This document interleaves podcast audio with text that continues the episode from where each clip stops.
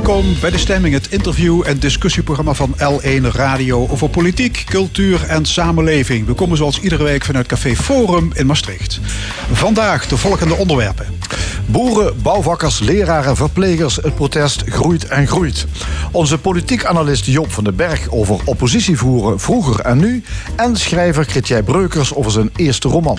Heeft onze democratie behoefte aan nieuw elan? In het tweede uur een discussie over zin en onzin van burgerparticipatie.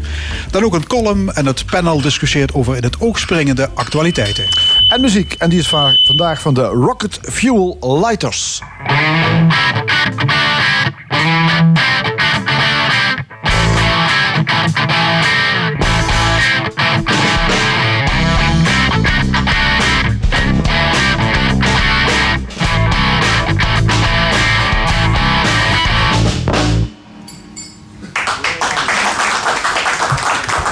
De geest lijkt uit de fles. De ene demonstratie is nog niet voorbij of de volgende mars staat alweer voor de deur. Boeren, leraren, ziekenhuispersoneel, bouwvakkers, klimaatactivisten. De straat is herontdekt als protestlocatie. Trouwens, ook in de rest van de wereld wordt op veel plekken gedemonstreerd. Nederland, protestland. Vanwaar al die spandoeken en spreekoren. We gaan het erover hebben met aalmoezenier Huub Vossen... en met oud-FNV-bestuurder Henk van Rees. Welkom beiden. Um, Huub Vossen, u bent de aalmoezenier bij het bisdom. Jarenlang actief tegen, in de strijd tegen armoede en eenzaamheid. Maar vanwege een grote bezuiniging uh, bij het bisdom wordt u ontslagen. Volgend voorjaar. Klopt, het, ja. moet, uh, moet, ja, ik denk dat u met dubbele gevoelens hier aan tafel zit nu. Absoluut, absoluut. Want in feite, ik heb me altijd ingezet voor mensen... en zeker voor uh, de kwetsbaren in onze samenleving. En je ziet nu dat dat sociale gezicht van de kerk... ja, dreigt te verdwijnen. En dat de bisdom toch andere keuzes gemaakt heeft. Jammer. Ja. ja. Blijft u strijdlustig? Of denkt u van, nou ja, weet je wat, volgende week ik stop er dan ook gewoon mee. Dan is het afgelopen. Dat zit niet in mijn aard. Dat, absoluut zit dat niet in mijn aard. Ik ben iemand die door blijft gaan. En dat heb ik ook heel duidelijk naar de werkgever toe gezegd. He, tot het laatst zal ik mijn werkzaamheden binnen de bisdom blijven verrichten. En daarna zal ik ook ten alle tijden blijven opkomen voor de mensen waar ik voor sta. Nou. Want dat is de aard van het beestje, zeg ik dan. Ja. ja nou, goed dat u hier aan tafel zit. Ja. Uh, boeren, leraren, ziekenhuispersoneel, aannemers. Het is een hele lange rij. En ze stonden of ze staan binnenkort in Den Haag te demonstreren. Henk van Rees, er leeft dus veel onvrede onder mensen. Terwijl het economisch in Nederland goed gaat. Wat is er aan de hand? Waar komt die onrust vandaan? Er komen een paar dingen bij elkaar. Um, ik denk dat in elk geval speelt dat degenen die het in Nederland voor het zeggen hebben de regering in Den Haag, maar ook de toppen van het bedrijfsleven, dat die hun antennes slecht afgesteld hebben op de wensen en noden van grote groepen mensen in, in de samenleving in Nederland. Dat is één punt. Mensen voelen zich niet gehoord. Terwijl tegelijkertijd, en dat zei u al, het in Nederland economisch gezien ontzettend goed gaat. De bedrijven maken echt grote winsten. Uh, de regering heeft het huishoudboekje echt op orde. Er is dus voldoende geld te besteden. Maar tegelijkertijd zie je dat in de zorg er sprake is uh, van uh, tekorten. Uh, dat er sprake is van een grote werkdruk. Dat er sprake is van dat mensen ook een fatsoenlijke loonsverhoging willen hebben. En dat zie je in allerlei sectoren. Zowel in de uh, publieke sector als uh, in het bedrijfsleven. Dat mensen zeggen van het gaat goed met Nederland en wij willen ons deel van de koek. En die mensen voelen zich niet gehoord en voelen zich vervolgens ook onrechtvaardig en onheerlijk behandeld bij de verdeling van de welvaart die we nu met elkaar hebben.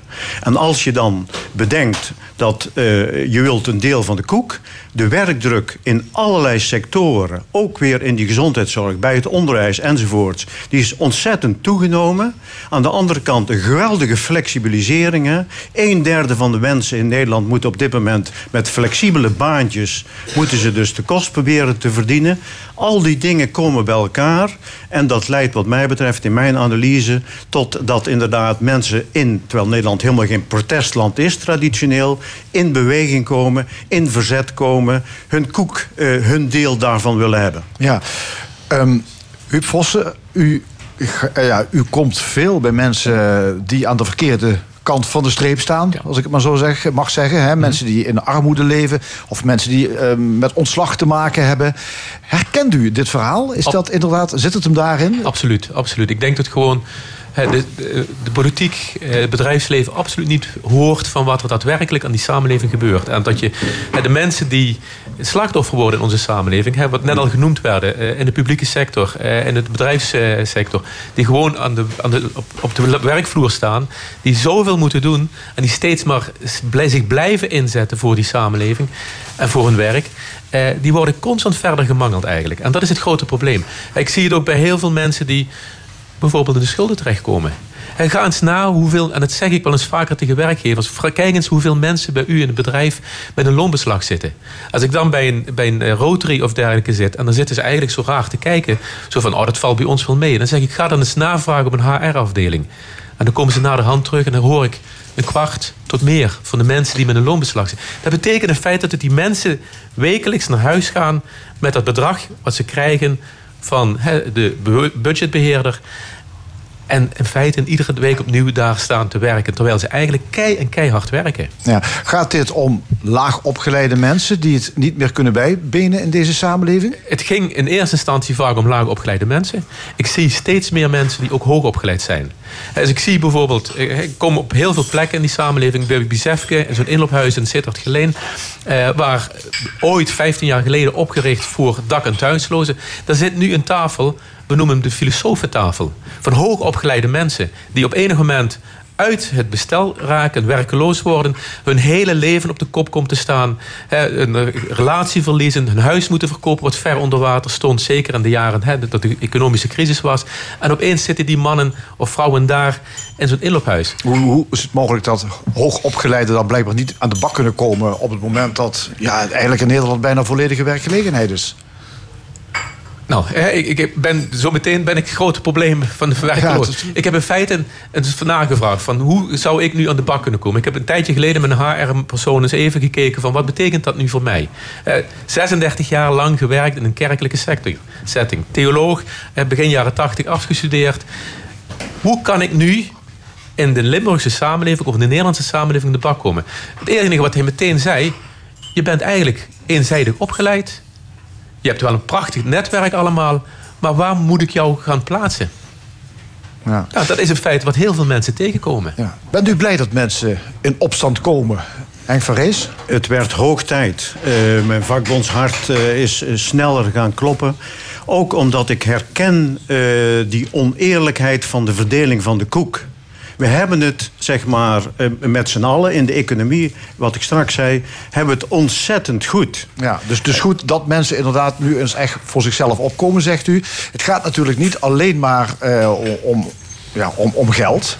Er zijn ook mensen die eigenlijk zich niet gehoord voelen. Bij de boeren ging het in eerste instantie bij dat protest ook om waardering. Dus het gaat niet altijd, altijd over geld alleen. Oh nee, maar ik, ik noemde net zelf ook al uh, dat in die sectoren van de zorg en het onderwijs het echt niet alleen maar om het geld gaat, maar ook om die werkdruk om fatsoenlijk je, je patiënten te kunnen verzorgen. Om tijd te hebben voor je leerlingen op school. Dus die werkdruk, dat je je vak goed kunt uitoefenen. Dat we toe willen naar een maatschappij waar je goed omgaat met je kinderen. Ze goed onderwijs geeft. we willen allemaal bij de bij de boer is dat het, het je, je, zal maar zeggen, je serieus genomen voelen. Dat, dat is een probleem u Vossen? Het is een groot probleem. Ik denk dat heel veel boeren het gevoel hebben van we worden niet serieus genomen. dat je van de ene regel naar de andere regel. En eigenlijk op het moment dat ze iets geregeld hebben, opeens weer een nieuwe regel er staat. Dat betekent in feite dat de bedrijfsvoering, dat je niet serieus genomen wordt in die bedrijfsvoering als boer zijnde. mensen die met hart en ziel voor een bedrijf te staan. Net zo goed als die leerkracht, net zo goed als die verpleegkundige op een, in, een ziekenhuis of waar dan ook. Net zo goed als die meneer of mevrouw die in een bedrijf eh, ergens staat op een, productievloer. Het zijn allemaal mensen die zich volledig inzetten voor een samenleving, voor hun werk.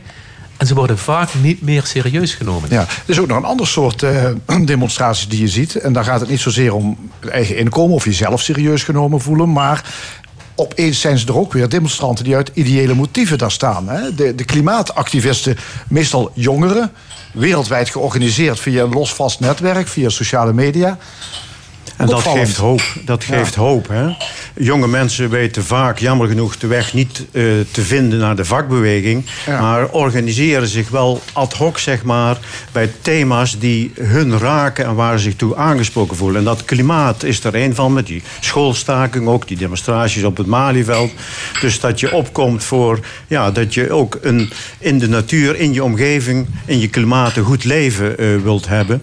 En ik, ik denk op zichzelf, hè, in, in, in mijn analy- analyse maar weer, dat eh, we in Nederland toch ook meer behoefte weer hebben aan goed leiderschap. Aan mensen eh, in de politiek, in de regering, maar ook in het bedrijfsleven, die een visie hebben waar we met onze maatschappij naartoe willen. En die daar ook bakens kunnen neerzetten, maar vervolgens ook kunnen aangeven: vluchten kan niet meer. Want aan de ene kant kun je terecht begrip hebben voor de individuele boeren. Aan de andere kant is het ook zo dat het systeem zo uit de hand gelopen zijn dat zij toch wel belangrijke mate verantwoordelijk zijn voor de stikstofuitstoot. Dan zul je toch moeten aangeven. Mensen, als we met elkaar, ook richting die jonge mensen, wat u zei. Als we naar een toekomst toe willen, dan zal die stikstofuitstoot terug moeten. Dan zal die CO2-uitstoot terug moeten. En dan moet je dat in goed overleg met de boeren en met anderen, met betrokkenen. Maar je moet dus ook een visie kunnen neerzetten met waar we naartoe willen. Met de goede dingen, maar ook dat vluchten niet meer kan en dat de lasten dan vervolgens consequenties hebben en dat je die eerlijk moet verdelen in overleg met mensen. Ja, Maar le- leider- niet- leiderschap. En nu, dat dat Ja. ontbreekt er nu. Oh ja. Ja? Het is korte termijn politiek. Eh, en dat is de dood in de pot omdat we, wij willen allemaal onze kinderen een goede toekomst geven. Een goede aarde, rentmeesterschap enzovoort. En, maar dat betekent een visie. Het betekent dat je ook moet durven zeggen... mensen, dat heeft consequenties. Bepaalde dingen zullen niet meer kunnen. En aan de andere kant denk ik... je moet ook, hè, dat aspect wil ik ook wel even genoemd hebben... eh, Nederland is een belastingparadijs. 57 miljard in 2015 vastgesteld. Eh, wordt weggesluit, wordt geen belasting over betaald... omdat Nederland een belastingparadijs is. Je hebt een overheid nodig die daar ook paal en perk aan stelt... zodat je ook weer financiële middelen krijgt... om die goede zorg enzovoorts eh, weer betaalbaar eh, te houden. Dus met andere, en de toppen van het bedrijfsleven maatschappelijk verantwoord ondernemen. Wordt er vaak gezegd. Maar dat betekent consequenties daaruit trekken. dat ook de financiële afstand tussen de toppen. van multinationals die vaak echt nog verrijken. en de gewone man op de werkvloer. die afstand wordt te groot, die moet je verkleinen. En dan heb je dus mensen nodig als Fijke Siebesma in het bedrijfsleven bijvoorbeeld. die toch een behoorlijke eenling is. maar ook mensen in de politiek. die een boodschap Ja. en consequenties daarvan kunnen zeggen. Ja, leiderschap eh, ontbreekt. Eh, en, en opmerkelijk is dus... Wat, wat wilde u zeggen, meneer Vos? Nou, zie feite, u ik vond- popelen. Ik, ik, zie, ik stond te popelen. Ja? Ik vond het prachtige woorden wat net eh, genoemd werden. Het rentmeesterschap. We zijn in feite in een samenleving terechtgekomen... waarin dat rentmeesterschap... waarin we samen bouwden, een solidaire samenleving opbouwden... en waar we eigenlijk naar een hele individualistische samenleving toe zijn gegaan. En eh, we zullen weer terug moeten... dat solidariteitsgevoel en dat rentmeesterschap... dat we samen in feite die wereld opbouwen... en die wereld ook bewoonbaar blijven houden... voor onze kinderen en onze kleinkinderen. En dat is iets wat we vergeten hebben. Want we hebben alleen maar gekeken op dit moment... naar wat doet het in mijn eigen beurs. En daar moeten we vanaf. Ja, opmerkelijk is dat ook de demonstratie herontdekt lijkt. Hè? Eh, jarenlang eh, leek dat iets van ver weg, uit de jaren 60. Opeens staan mensen weer met spandoeken en met leuzen te demonstreren. Is het... Ik ben alleen maar blij om te zien. Hè, wat net ook al gezegd werd. Ik ben blij om te zien. Hè, we zijn, ik denk dat wij komen nog uit een generatie... waarin we in de jaren tachtig massaal naar, eh, naar Den Haag trokken. Daarna was het opeens voorbij. En nu zie ik gelukkig zeker ook jonge mensen... die in feite opkomen voor ja, dat, die, die bewoonbaarheid maken van die samenleving. Ja. Hel- Helpt het, demonstreren? On, dat helpt zeer zeker. Eh, en vaak is het ook zo, en dat kan ik als vakbondsman zeggen... dat je begint altijd bijvoorbeeld met de werkgevers... maar ook met de overheid met onderhandelen. We onderhandelen ons suf. Hè? Maar vervolgens, als dat niet werkt... in beweging komen, in, in verzet komen... opkomen voor je rechten, dat helpt...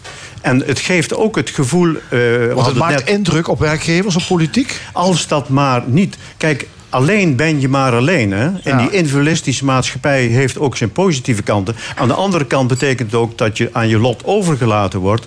En het goede, als u eens deelneemt aan demonstraties, is ook van dat dan met tienduizenden mensen heb je een samengevoel. Eh, en dat samengevoel dat hebben we meer nodig in onze samenleving, hier ook in Limburg. Huub Vossen? Klopt.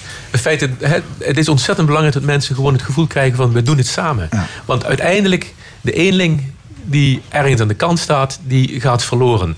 En als je op een goede manier positieve actie voert, het betekent dat je goed luistert naar wat er beleeft in die samenleving en van daaruit dat ook naar buiten brengt. Ja, dan, kunnen boeren, leraren, verplegers, die kunnen dat. Maar die mensen waar u vaak mee werkt, mensen die in stille armoede leven, die zie ik niet zo snel massaal op het Malieveld staan. Die hebben geen tractoren. Die hebben geen tractoren en daar ben ik vaak gewoon het spreekbuis van. En daarmee ga ik ook regelmatig Ja. naar buiten toe. Nee, maar u begrijpt wat ik bedoel. Die mensen zullen die nooit massaal daar staan. Die mensen zullen nooit daar kunnen staan. Ja, is dat niet Is, frank? is frank, is frank, Ja. is Nee, absoluut maar frank. dat, dat is Ja. ontzettend Ja. want daardoor krijgen ze ook weinig aandacht. Maar dan heb ik het maar weer over... we hebben politici nodig en we hebben toppen van het bedrijfsleven nodig... van mensen die voelingen hebben met de samenleving...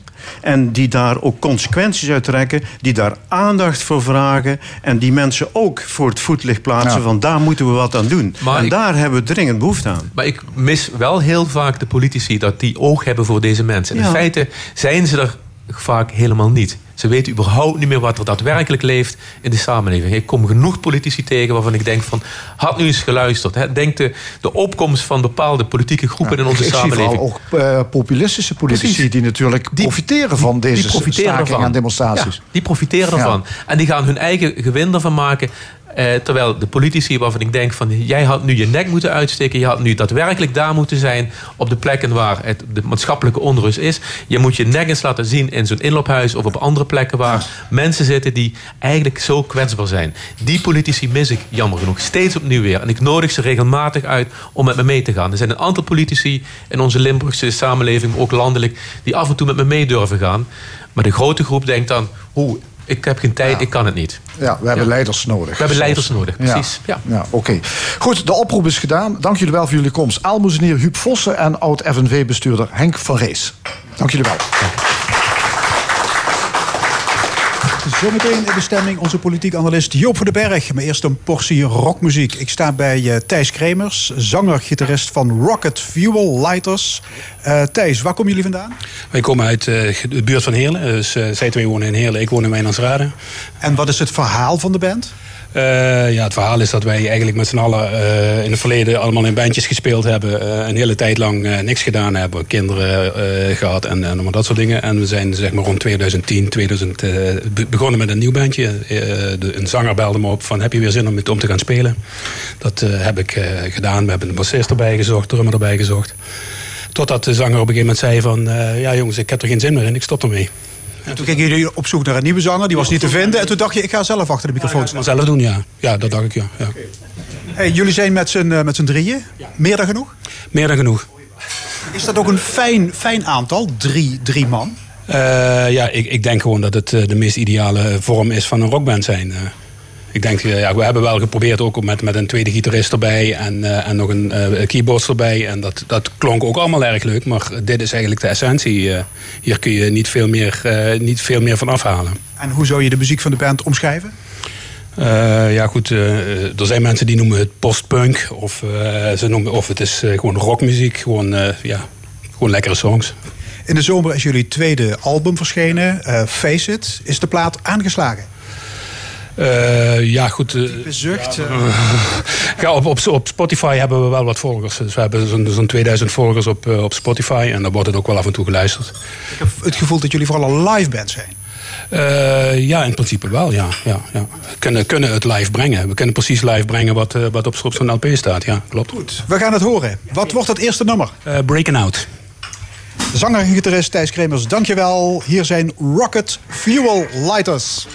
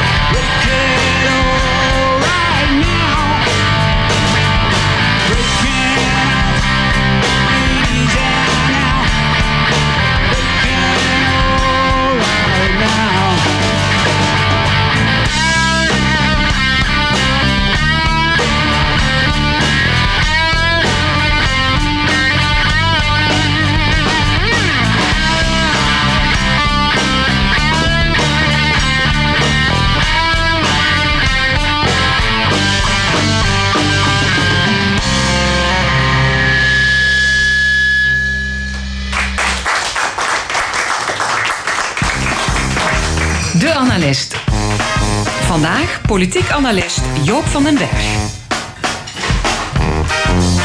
Joop, welkom. Goedemorgen. Je wil het vandaag hebben over de nobele kunst van het oppositie voeren. Uh, aanleiding is het opmerkelijke gedrag van uh, GroenLinks. Dat van plan is om alle begrotingen van het kabinet Rutte te gaan steunen.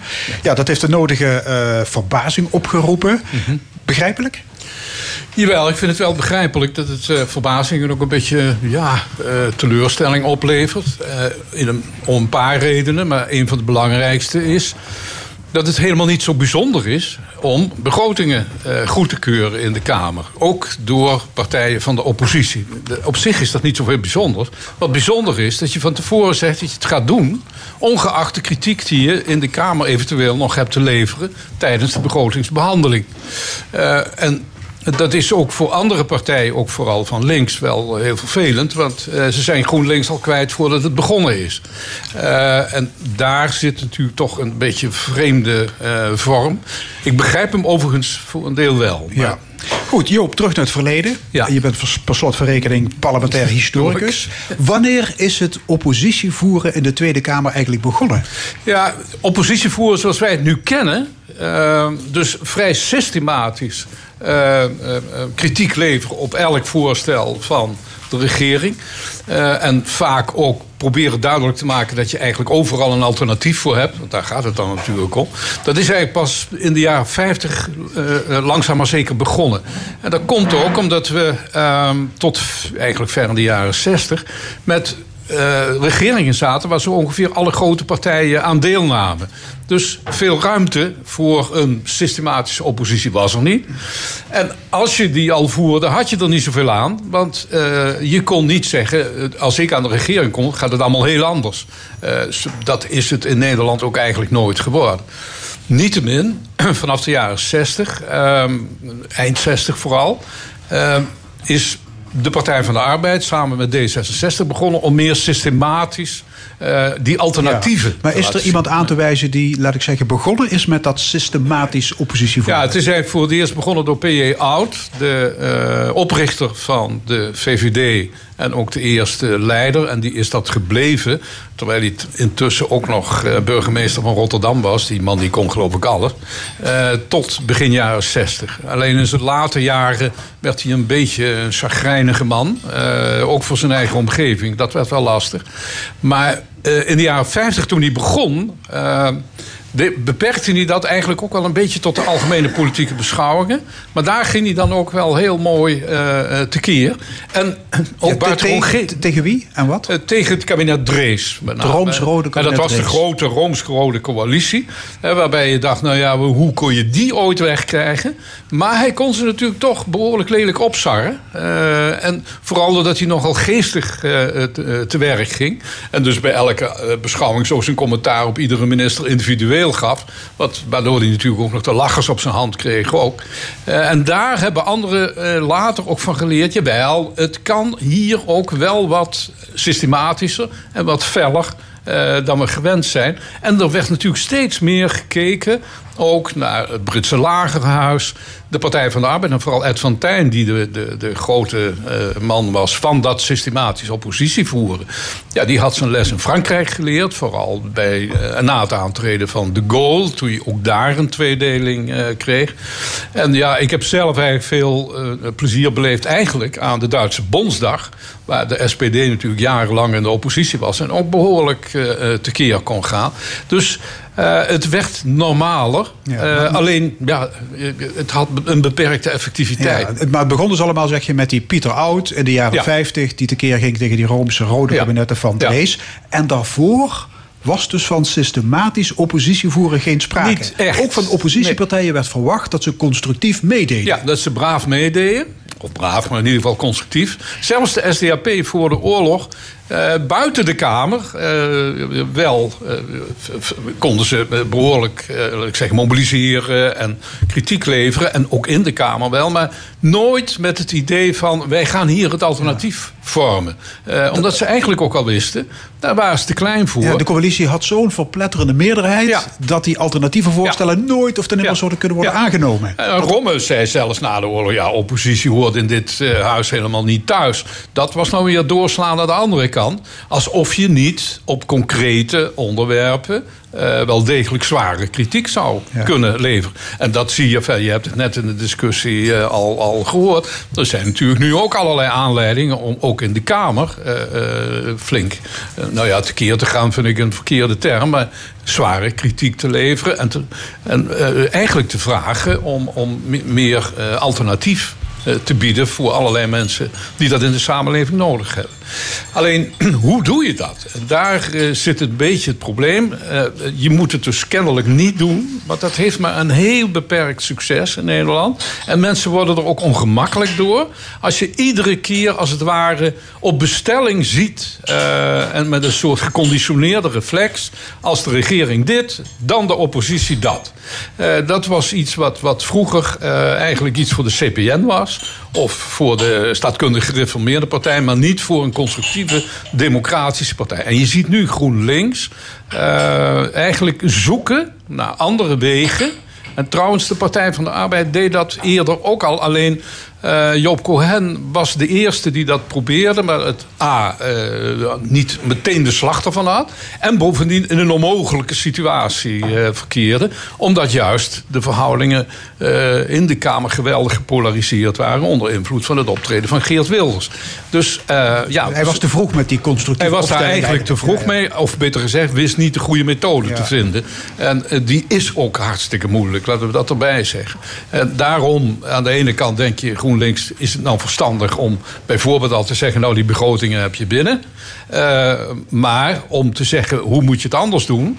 Je ziet Lodewijk Asscher. Maar, maar Joop, als ik je in de reden val, maar waarom lukt het niet, of is het niet meer verstandig om een radicale oppositie te voeren? Wat, is dat gewoon het bekijken van verkiezingsuitslagen en, en concluderen: dit levert ons niks op?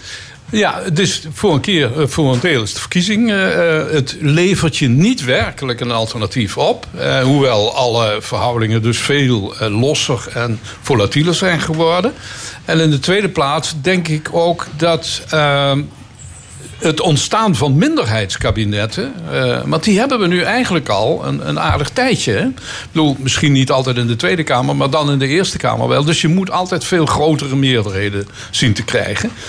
Dat vergt een heel andere manier van met de regering omspringen, maar ook met je oppositie werken. Wanneer ga je er radicaal in? En wanneer zie je dat je met constructief overleg een aantal dingen kan binnenhalen? Maar dan gaat het dus om deelonderwerpen. Hè? Dan, gaan we eigenlijk moeten kijken naar een bepaald onderwerp waarop jij dan die regering dus aan een meerderheid kan helpen. Ja. Waardoor je iets binnen kan halen. Ja, precies. Maar dan krijg je niet zozeer het, het, het op elkaar botsen als een soort nieuwe ruilverhouding uh, zien te creëren. En dat lukt uh, GroenLinks, dat lukt bij tijdenwijle de Partij van de Arbeid. D66 heeft een heel goed voorbeeld gegeven in de tijd van Alexander Pechtel. Uh, die lieten ook zien dat je op een gegeven moment heel hard uh, je boodschap kan brengen in de Kamer. Tegelijkertijd dingen binnenhalen op een moment dat je denkt, ja, nou moet het. Er zit natuurlijk ook gevaar aan. Bijvoorbeeld ja. dat je zelf misschien flats wordt. En ja. dat je niet meer duidelijk voor, ja. voor de kiezer bent. Ja. Ja, nee, het is, ik zeg niet dat het makkelijk is. Hè. En nee. je ziet dus ook dat partijen naar een vorm moeten zoeken. En dus af en toe uitglijden of uh, niet, niet, niet echt uh, succes hebben.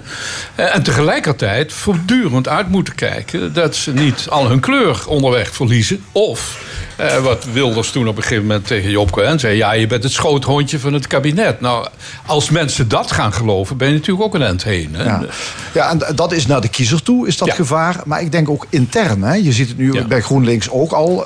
Dat uh, Jesse Klaver natuurlijk toch vanuit de achterban mm -hmm. behoorlijk wel wat te verduren krijgt. Omdat mensen dit ook in zijn eigen partij. Ze snappen dit gewoon niet. Nee, er zijn Want GroenLinks nee. was juist altijd die oppositiepartij. Ja, ja voor een deel is het, het afwerpen van scoren bordpolitiek. Ja. Nou ja, daar heeft hij op zich best gelijk in. Alleen, uh, hoe doe je dat? Uh, door niet alleen maar te kijken van uh, wanneer heb ik ze nu weer te grazen gehad.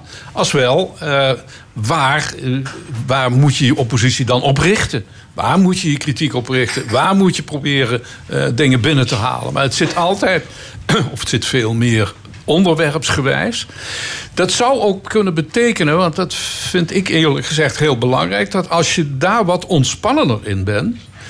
eh, regeringspartijen ten opzichte van het kabinet ook ontspannender worden. Eh, want eh, vergis je niet.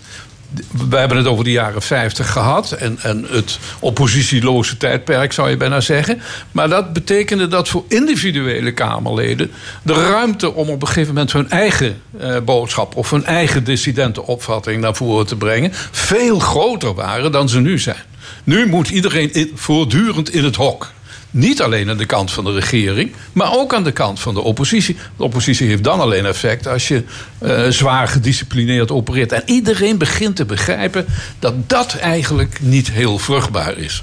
Nou, dat zou heel opmerkelijk zijn dat je zelfs met een minderheidskabinet misschien meer ruimte krijgt voor Ja. individuele. Kamerleden, zelfs Ja. voor regeringspartijen. Ja, ja. dat zie je dus ook nu wel gebeuren. Eh, en ook regeringsfracties gaan zich wat onafhankelijker eh, van de regering opstellen. Eh, ook omdat ze weten, ja, je kunt op een andere manier aan meerderheden komen dan, dan je tot nu toe gewend was. Heel interessant. Dankjewel, Joop van den Berg. U luistert naar L1 Radio, weer speciaal naar de stemming. Iedere zondag van 11 tot 1 vanuit Café Forum in Maastricht. Zo dadelijk Kritja Breukers over zijn nieuwe roman... over de pijn van twee verbroken liefdes. Maar eerst muziek van Rocket Fuel Lighters. Dit nummer heet Subatomic Love.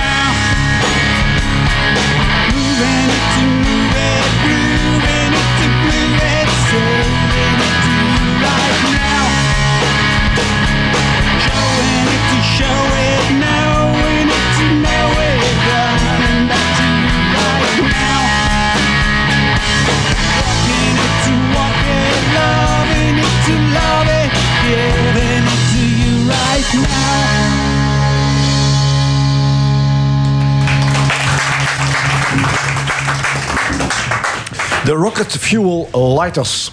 Vijf jaar geleden debuteerde Kretje Breukers met zijn prozaboek Een Zoon van Limburg. En nu ligt zijn eerste roman in de winkel. En in de nacht een riem. Hoofdpersoon is Thomas Meerman, die met koorts in bed ligt en besprongen wordt door herinneringen aan twee verbroken relaties.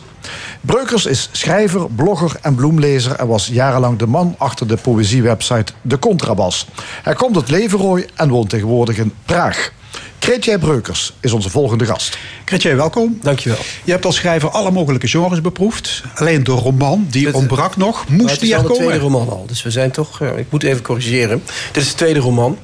En een vijfde proza-boek. Dus het is niet helemaal Tweede. waar wat je zei. Maar ik had al eerdere roman geprobeerd. Dus... eh, Geprobeerd? iets, eh, nou, die heb ik al geschreven en gepubliceerd. Maar, eh, Oké, nou die dus heb ik toch gemist. Maar in je boek. Een Zoon van Limburg genieten, schrijf je... hoe graag ik bij de romanschrijvers wil horen... ik hoor er niet bij. Nee, dat hoor Dat heeft me lang dwars wil- gezeten. Ja, zeker. ja. Dat was een kleine obsessie. Ja, dat was ooit een obsessie, maar die is voorbij. En die is eh, voorbij gegaan omdat ik dacht... eh, ach, die romans, er zijn er zoveel... en waarom zou ik daar nog iets aan doen? En toen heb ik mijn eigen boeken geschreven en dat bleek ook te werken. Dus dat was mijn, toen was mijn obsessie voorbij. Dus dat idee van wat heb ik aan die, aan die enorme aantallen romans... wat heb ik daar aan toe te voegen... Dat, is weg. Dat is, weg. totaal weg. Ja, ja, ja. Ik schrijf nu alleen nog maar wat ik zelf wil schrijven... en dat is wat ik soms publiceer.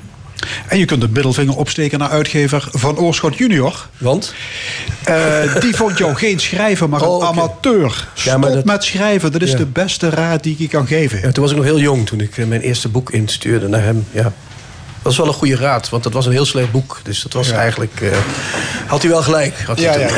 Had wel gelijk. Alles vergeven en vergeten. Zeker, zeker, zeker. Ja. Hey, maar makkelijk ging het niet, dit boek. Nee. Ehm, je hebt er jaren aan gewerkt. Zeker, Was het een kwestie van heel veel schrappen en opnieuw beginnen? Ja, zeker opnieuw. Ik had eerst een boek en dat was af eigenlijk.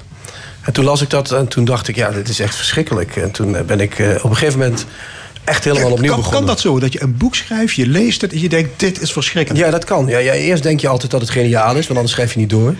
En dan eh, lees je het een half jaar later nog eens terug en dan denk je, ja, dit is echt, het, dit is echt eh, heel erg. Is dit echt, eh, ja. En dan, toen ben ik opnieuw begonnen op een dag. En toen heb ik het in nachtelijke sessies in het weekend. Dat toen, als ik niet hoefde te werken, want ik werk in Praag.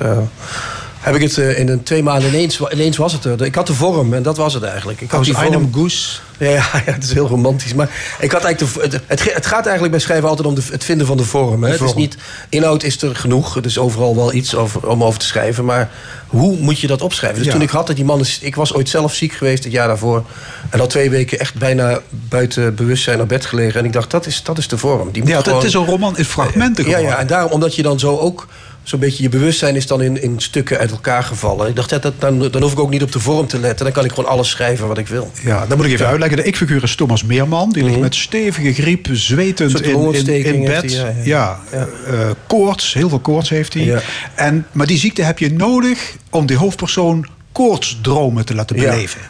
En dan hoef je ook niet te letten op het verhaal. Want in een koortsdroom loopt het verhaal alle kanten op. En door alle tijden heen. Dus Ja. Maar dat geeft die roman ook meteen iets hallucinerends. Ik Als het, lezer ja. weet je niet wat schijn en wat werkelijkheid is. ja, ik ook niet. Nee. Het komt je ook maar aangewaaid s'nachts. Nou ja, het is, heel, het, is niet koket, het is niet koket bedoeld, maar je bent alleen maar de schrijver van het boek. Je bent echt niet eh, degene die precies weet hoe het werkt. Dat is echt dat is een misverstand wat veel schrijvers hebben. Maar je weet het echt niet. Je, je leest het en denkt, god, ja, hoe kwam ik erop? En, Kort samengevat, eh, die Thomas die woont 16 jaar samen met Leonie. Ja. Hij wordt verliefd op Jitka, een veel jongere vrouw. En dan wordt hij het huis uitgegooid. Ja. En even later loopt die relatie met Jitka ook op de klippen. Zeker. Kortom, doffe ellende.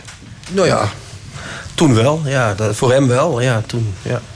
Oh ja, het is, is het doffe ellende, ja? Ik dacht het wel. Oké. ja.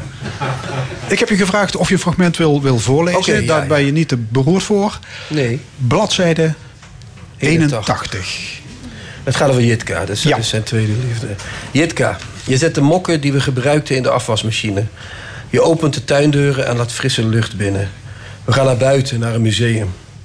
Als je straks thuis komt en je man is er ook... lijkt het of er in jullie huis niets is gebeurd. Ik kijk naar het schilderij dat in je woonkamer hangt. Naar de meubels die je hebt gekocht en waar jullie avond aan avond op zitten. Of niet zitten. Ik weet niet meer hoe dat gaat samen in één huis leven. Voor mij is dat meer dan twee jaar geleden. Mijn rol is die van geheime liefde. De man die een huwelijk van 12 jaar aan mootjes hakt... omdat hij van een getrouwde vrouw houdt. Ik heb die liefde nog proberen tegen te houden in het begin. Er was geen houden aan. Omdat ik altijd een boek schrijf over dingen die ik meemaak... heb ik een boek geschreven over onze liefde. Dat boek was voor twee derde klaar. Toen gooide ik het weg. Het was geen goed boek. Het was een levenloos geval. Ik wilde een monument oprichten voor onze liefde... maar er was nog geen sokkel om het geheel te dragen. Ja, bij liefdesverdriet liggen de clichés op, eh, op de loer. Zeker. Is dat het grootste gevecht achter de, achter de PC? Hoe hou ik... Ja, hoe word ik niet kitscherig? Hoe word ik niet lamoyant? Als je, zeg maar... eh, nee, dat denk ik niet. Tenminste, ik, eh, ik heb wel een hekel aan eh, clichés. Maar soms zijn ze ook heel... di- di- dit is ook... ja, het is grote liefde. Hoe clichématig wil je het hebben? Niet? Dus ik, ik denk dat het... Het is wel een gevecht. Nou ja, het gaat er ook om dat je dat zo oorspronkelijk mogelijk en zo literair mogelijk opschrijft. Ja, Het moet geen boeketreeks worden. Nee, dat is waar. Maar literair opschrijven betekent ook dat je het zo. In dit geval, voor mij, betekende het dat ik het zo kaal mogelijk opschreef. Zo, zo zonder. Zo was het, weet je wel? Zo, zo, dat ik voor die, voor die hoofdpersoon, of voor mijzelf, want ik val natuurlijk deels samen met mijn hoofdpersoon, zo duidelijk mogelijk opschreef hoe het was en wat het was. Ja, ja, dat wil ik vragen. Dat mag je eigenlijk nooit vragen naar het autobiografische gehalte van een roman. Ja. Of mag dat in dit geval Het is jou... volledig autobiografisch, maar niet alles is echt gebeurd. Ja, de hoofdpersoon lijkt verdacht veel op jou. Ja, hij komt uit leven, hij, is, hij komt uit is er op zijn achttiende vertrokken. De vader is is, zo, ja. kruidenier, hij is schrijver van het brievenboek Voor de Verre Prinses. Dat, dat klopt ja. allemaal. Ja, dat klopt. Ja. Ja. Maar de, de Alleen vraag, heet hij maar- wel Thomas Meerman en niet Nee, precies. Merkens. Maar de vraag is eigenlijk: helpt het jou als schrijver als je die, als je die verschroeide zielepijn zelf hebt gevoeld? Ik doe niet anders, Fons. Ik heb altijd eh, pijn en alles. eh, dus ik ben... eh, ja, ik weet het niet. Misschien wel, maar ik zou Maar niet weten hoe andere ik- mensen zich voelen. Nee, maar je Dus begrijpt wat ik bedoel. Ik bedoel, Nee, Tim niet- Krabbe zou de renner nooit hebben geschreven als hij niet zelf ooit coureur was geweest. Dat is waar. Oké, in die zin is het, helpt het altijd mee als je natuurlijk zelf... Maar wie is niet ooit verschroeiend verliefd geweest en daarna afgewezen? En dan moet je die gevoelens ook even laten bezinken. Die zijn niet onmiddellijk bruikbaar, denk ik. dat moet je even laten liggen. goed. Nee, nee, nee. nee. dan Dan wordt moet- het inderdaad gevaarlijk. Als, je, als het water nog kookt, begint te schrijven... dan wordt het echt... eh, dan kun je je vingers snel branden, zeg maar. Ja, ja, ja. Even laten liggen en dan begint het stileren, het, het, dat het, is het, het ja. bijveilen. Om het Gerard Reven te spreken, echt gebeurd is geen excuus. Nee, dat is zeker geen excuus. Nee, nee. Daar gaan veel boeken ook aan ten onder natuurlijk. Eh, Dat, eh, het is echt gebeurd, ja. Dus, wat is daar eh, goed aan dat het echt gebeurd is, ja. Je noemt eh, ergens liefde een geestesziekte. Ja, is het ook. Het is een soort, je bent in een soort psychose als je verliefd bent. eh. Tenminste, dat heb ik ooit Oh, niet liefde, maar je bedoelt verliefdheid. Oh, liefde is dat ook zou een- de, liefde is dat ook zou de geestesziekte, ja. TSN-handboek eigenlijk opgenomen moeten worden als Ja, eigenlijk als wel. Ja, ja, ja, denk ik wel. Ja, ja, ja. Want? Nou ja, dat is eh, mensen die heel eh, verliefd zijn of die heel veel liefde voelen, die worden de hele dag bestormd door die gevoelens. Dat is natuurlijk, net zoals in een psychose, dat lijkt me niet gemakkelijk. of dat is niet gemakkelijk, laat ik het zo zeggen. Eh vanwaar de titel van de roman. En in de nacht een riem. Dat is een citaat uit wat er in het boek staat. De Nee, roman dat, dat, dat snap ik. Maar leg eens uit De wat roman dat... gaat over pijn, maar die gaat ook over letterlijk over pijn. Dus over elkaar pijn doen en over elkaar pijnigen. Ja, er, dat ja, er komen veel gestriemde ruggen voor in het boek. Ja, zeker. Eh, zweepjes, pijn, genot, Nou, zweepjes onder, onderwerping. komen erin voor. eh, Ja. Of ook een, ja, ook een zweep. Ja, een, een ritje, geloof ik. Een rietje. Ja, maar ook onderwerping, pijn, genot, gaat, dat soort dingen. Ja, ja, ja, ja. Daar gaat het over deels, ja. Ehm, zou je nog het fragment willen voorlezen? We, eh, Thomas Meerman die 137. ligt vastgebonden in een hotelbed. Ja. Pagina 137.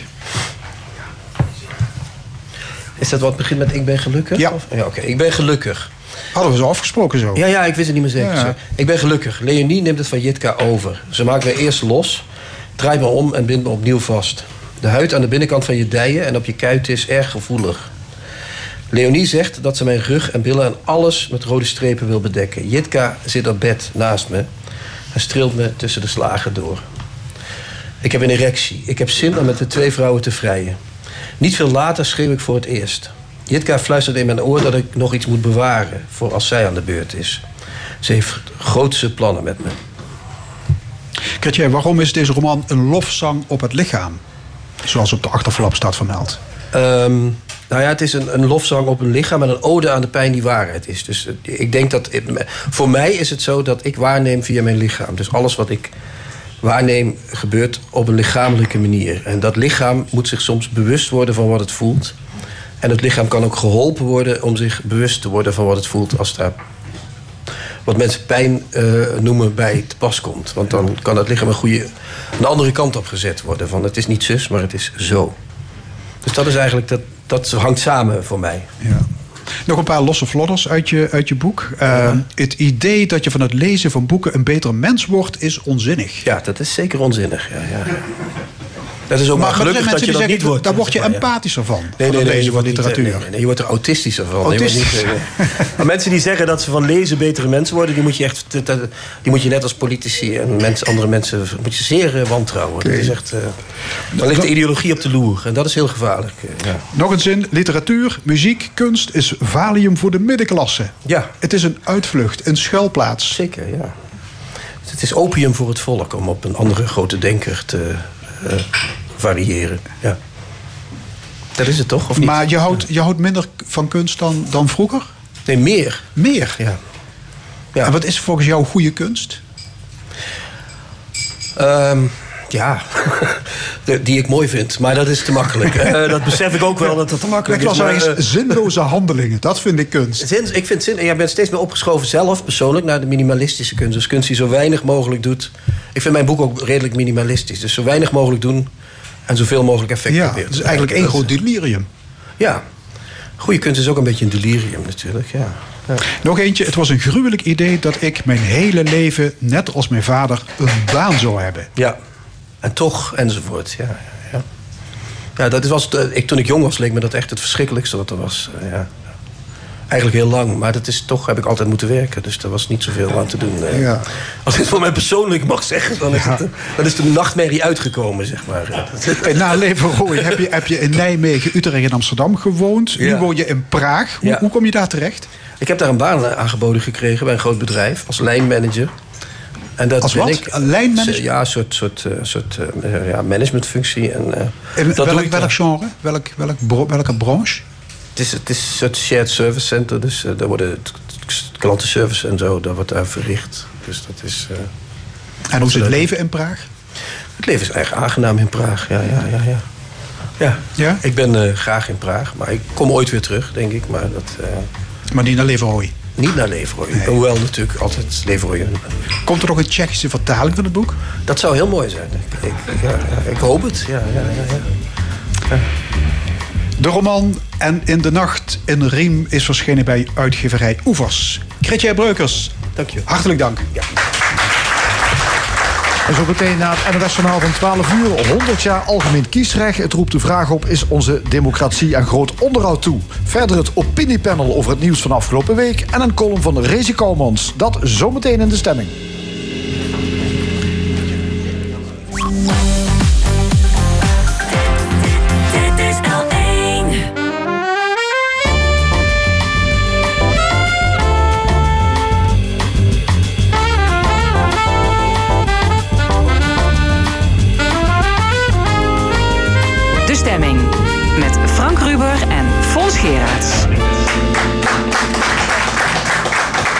Welkom bij De Stemming, het interview- en discussieprogramma van L1 Radio vanuit Café Forum in Mustreeg. En wat allemaal nog in de tweede en laatste uur. Straks discussieert het panel, deze keer met Luc Wienans, Joost Reinaerts en Erik Koppen over de politiecultuur en andere actuele zaken. Een column van Rezi Komans, muziek van Rocket Fuel Lighters, maar eerst onze democratie. 100 jaar geleden werd het algemeen kiesrecht ingevoerd. Dat iedereen mag stemmen lijkt vanzelfsprekend, maar dat heeft in het begin van de vorige eeuw heel wat strijd gekost. Nu lijkt onze democratie aan groot onderhoud toe. Er wordt veel geklaagd over het parlement als een kaste, over het partijkartel en gebrek aan echte inspraak. Eén keer in de vier jaar een stembiljet invullen is niet genoeg. Burgers voelen zich onvoldoende gehoord. En dat leidt tot gele hesjes en populisme. Over de staat van onze democratie gaan we praten met Klazien Horstman. Ze deed onderzoek naar burgerparticipatie in Limburg. Dave Ensberg-Kleikers, prominent CDA-lid. En Peter Schmeets, rijksambtenaar en publicist. Hartelijk welkom, alle drie. Dave Ensberg, vindt u dat onze democratie gerevitaliseerd moet worden? Wel, wel als het gaat om de cultuur, maar niet als het gaat om de structuur. Eh, de manier waarop we met elkaar omgaan als politici, die is minder aansprekend en echt aan eh, verandering toe. Uh, maar als het gaat om de structuur en wat we nu met elkaar op hebben gebouwd van de afgelopen eeuwen, is wat mij betreft heel erg stevig en, en Dus dat bedoelt de instituten als Eerste Kamer, Tweede Kamer, gemeenteraad, dat, dat hele bouwwerk van, ja, van doorbekken, dat, dat bedoelt u? Ja, soms een beetje meer naar links of een beetje meer naar rechts als het gaat om de wijze waarop we dat kunnen verbeteren. Maar ik zou niet in de grondige uh, ja, herstructurering voorstaan voor de totale democratie in Nederland. U houdt regelmatig lezingen onder de titel Democratie, wat kan mij dat schelen? Wat is de portée van uw verhaal? Uh, drie zaken. Eén, uh, ik vertel je mijn ervaring van mijn ouders... die in Suriname hebben gewoond en daar zijn gevlucht voor gebrek aan democratie. En wat dan de gevolgen zijn voor een land, uh, voor, een, voor een gezin... als je geen democratie hebt. En dat zijn we af en toe niet van bewust. Hè? Wat, wat gebeurt er als je geen democratie hebt? Uh, als, als dictatuur bijvoorbeeld uh, de, de, de overwacht. Over, We vinden dat te vanzelfsprekend misschien. Ja, zeker de generatie die nu opgegroeid, hè, de jongeren. Dat is het tweede punt waar ik ook met name dan bij stilsta in zo'n lezing. Uh, de jongeren zijn veel minder, lijken veel minder geïnteresseerd te zijn in democratie. Met name jongeren met een VMBO-opleiding of, of anderszins een praktische opleiding. Dat is een heel groot, groot vraagstuk. En het derde vraagstuk is, en dan zie je, omdat die op zo'n lezing komen vooral politieke, politici op af. Kijk eens naar je eigen politieke partij en je eigen partijdemocratie. Uh, mijn, idee, mijn indruk is wel dat de partijdemocratie, hoe bijvoorbeeld mensen in mijn politieke partij met elkaar omgaan, het CDA, uh, dat gaat op zich prima, maar het kan veel beter. Het kan veel gezelliger, het kan veel leuker. En daarmee is het ook een uitnodiging voor anderen om deelgenoot te worden van die democratie. Klaasien Hosman, uh, is onze democratie toe aan een stevige onderhoudsbeurt? Um ik, geloof, ik, ik, zou niet alarmistisch willen wezen. Ik geloof niet zozeer in uh, revolutie en groots onderhoud, wel een serieus onderhoud. Uh, en volgens mij gebeurt dat eigenlijk ook best al heel lang. Vanaf de jaren 60 zie je toch een soort langzame vermaatschappelijking van de democratie. Uh, er zijn wel serieuze problemen, maar in, ik, ik, geloof niet in een soort van revolutie. En wel revitalisering en nieuwe. Ik denk wel dat je moet experimenten en moet leren van de experimenten. En niet ja. experiment als evenement, zeg maar. Dus er zijn wel hier en daar problemen, maar de democratie is niet, wel, is niet in crisis. Het zijn wel serieuze problemen, maar het is ook wel tel je zegeningen. Ook aan tafel Peter Smijts. U bent ambtenaar bij het ministerie van Economische ja. Zaken. Maar u zit hier op persoonlijke titel uiteraard. U schreef een essay waarin staat dat de democratie schrikbarende ontbindingsverschijnselen vertoont. Ja. Dat is andere taal. Dat klinkt zwaar, hè? Ja, ja nee, kijk, op zich, uh, internationaal gezien doet de Nederlandse democratie het eigenlijk best goed. Ja. Maar uh, je moet wel kijken wat er onder de oppervlakte gebeurt. Uh, ik noem drie dingen. De eerste is eigenlijk dat je ziet dat grote delen van de bevolking eigenlijk afhaken bij de democratie. Dus niet alleen in Nederland, dus ook overal in de westerse wereld. Hè. Mensen die het vertrouwen zijn verloren in de instituties en de democratie, omdat ze hun belangen niet meer behartigd zien, omdat ze hun problemen niet meer opgelost zien door de democratie. Die gaan dan niet meer stemmen of op populisten stemmen. Het tweede is eigenlijk dat je ziet dat de afstand tussen de systeemwereld van de mensen die de regeltjes maken, zal maar zeggen, de leefwereld van de mensen die die regeltjes moeten ondergaan, die is veel te groot. Dat zijn twee compleet verschillende werelden geworden. Uh, en ten derde zie je eigenlijk dat de samenleving steeds meer verandert in een verzameling bubbels. Een soort fragmentatie, zal maar zeggen. Komt mede door de individualisering. Uh, waarin je dus eigenlijk ziet dat, dat er steeds meer groepen zijn die niks meer met elkaar hebben. En ook niet meer naar elkaar willen luisteren, lijkt het wel. Kijk bijvoorbeeld de Zwarte Piet discussie. Waar je toch als nuchtere volwassene af en toe denkt van jongens, kom op. Daar kun je toch wel uitkomen. Maar dat, dat wordt helemaal gepolariseerd. Dus dat zijn drie van die bewegingen die ik zie in de samenleving. Waar ik denk, hé, hey, dat gaat niet goed. Ja, nou, maar het vreemde is dat uit alle onderzoek blijkt dat de meeste mensen vertrouwen hebben in ons democratisch stelsel. En toch wordt er wat afgeklaagd over de politiek, wordt er massaal op protestpartijen gestemd. Wie kan dat verklaren? Voor een deel is het ook onze cultuur om te klagen. Dus we zijn een, echt een behoorlijk klaagland. Uh, zeker als het, gaat, als het welvarend goed gaat, dan uh, worden we in één keer nog mondiger. We zien ook dat we op, qua opleidingsniveau zo enorm zijn toegenomen de afgelopen jaren sinds, jaren sinds de Tweede Wereldoorlog. Dat we steeds meer vermogens hebben om te beschouwen hoe de politiek functioneert. Dus we weten ook veel meer hoe het functioneert. Dan zijn we ook, zijn ook beter geïnformeerd. Dat is ook nog een factor door de media, sociale media. Dat we weten hoe de democratie daadwerkelijk, wat er onder, onder de motorkap gebeurt. Vroeger uh, wisten we niet alles wat er in de achterkamertjes gebeurde. Nu weten we bijna alles. Ja. en kennis daarin is ook natuurlijk, leidt, leidt het ook tot, tot macht, maar leidt ook tot uh, onrust. Ja, dus, dus wel vertrouwen in het democratisch systeem, maar misschien wantrouwen in de politici. Nou. Ja, ik merk dat ook. Klaasien Hosman? Nou, volgens mij, het, er zit ook wel iets in het systeem. Want het systeem vraagt in feite... de kern van democratie is eh, toch geïnstitutionaliseerd wantrouwen. Dus wij vragen... Je, je vraagt altijd om kritiek. En de manier waarop we zeg maar, dat wantrouwen tegelijkertijd proberen te tackelen... is door steeds meer technocratische systemen in te voeren. Dus regels, formats, rekenmodellen, statistiek, cijfers, cijfers, cijfers, cijfers. Uh, aan de ene kant, en daar kunnen we niet. We leven ook in een verwetenschappelijke democratische cultuur. En dat is volgens mij zowel het dat is een probleem, maar je kan daar ook niet zeggen van dat doen we gewoon niet meer. Want we hebben, we hebben wetenschap, we hebben kennis, we hebben technische expertise. Dat wil je niet overboord gooien. Die wordt aan de ene kant ook betwist. Boeren staan bij het RIVM tegenwoordig, omdat ze de cijfers van het RIVM niet vertrouwen. Tegelijkertijd kunnen wij niet zonder die kennisinstellingen en kunnen we ook niet zonder professionele expertise in de politiek. En volgens mij is de, daar een balans in zoeken en het zoeken van uitwegen om tussen aan de ene kant met professionele expertise om te gaan, aan de andere kant uh, iedereen het gevoel te geven dat de instituties ook voor hen werken. Nou, dat is volgens mij een megaklus voor de komende 30 jaar. Ja. We hebben lang uh, hadden we het idee dat verkiezingen in een democratische samenleving de oplossing zouden kunnen zijn om weer ja, de zaak op orde te brengen. Uh, Peter Smeets, uh, in dat uh, essay dat al aangehaald werd. Ja. veegt u daar eigenlijk de vloer mee aan? Hè? Verkiezingen ja. voldoen niet meer. Waarom niet? Ja, ik denk gewoon maar als een knuppel en een hoenderhok. weet je, als je een gemiddelde burger vraagt in de westerse wereld van wat is democratie, dan zegt hij meestal van ja, het verkiezen van je eigen vertegenwoordigers. Maar als je rondkijkt in de wereld, dan zie je dat eigenlijk ieder zichzelf respecterende dictator zich ook laat verkiezen tegenwoordig. Dus eigenlijk is dat niet meer het eindpunt. Ik zou democratie eigenlijk anders willen definiëren. Dat zijn wel zware woorden, hè? Dat, uh... dat zijn zware woorden. Ja. Nou ja, goed. Uh, uh, je, kunt, ja, je kunt zelf rondkijken wie zich laat verkiezen. Meneer Sisi ja. in Egypte bijvoorbeeld, die heeft zich ook laten verkiezen. Hè?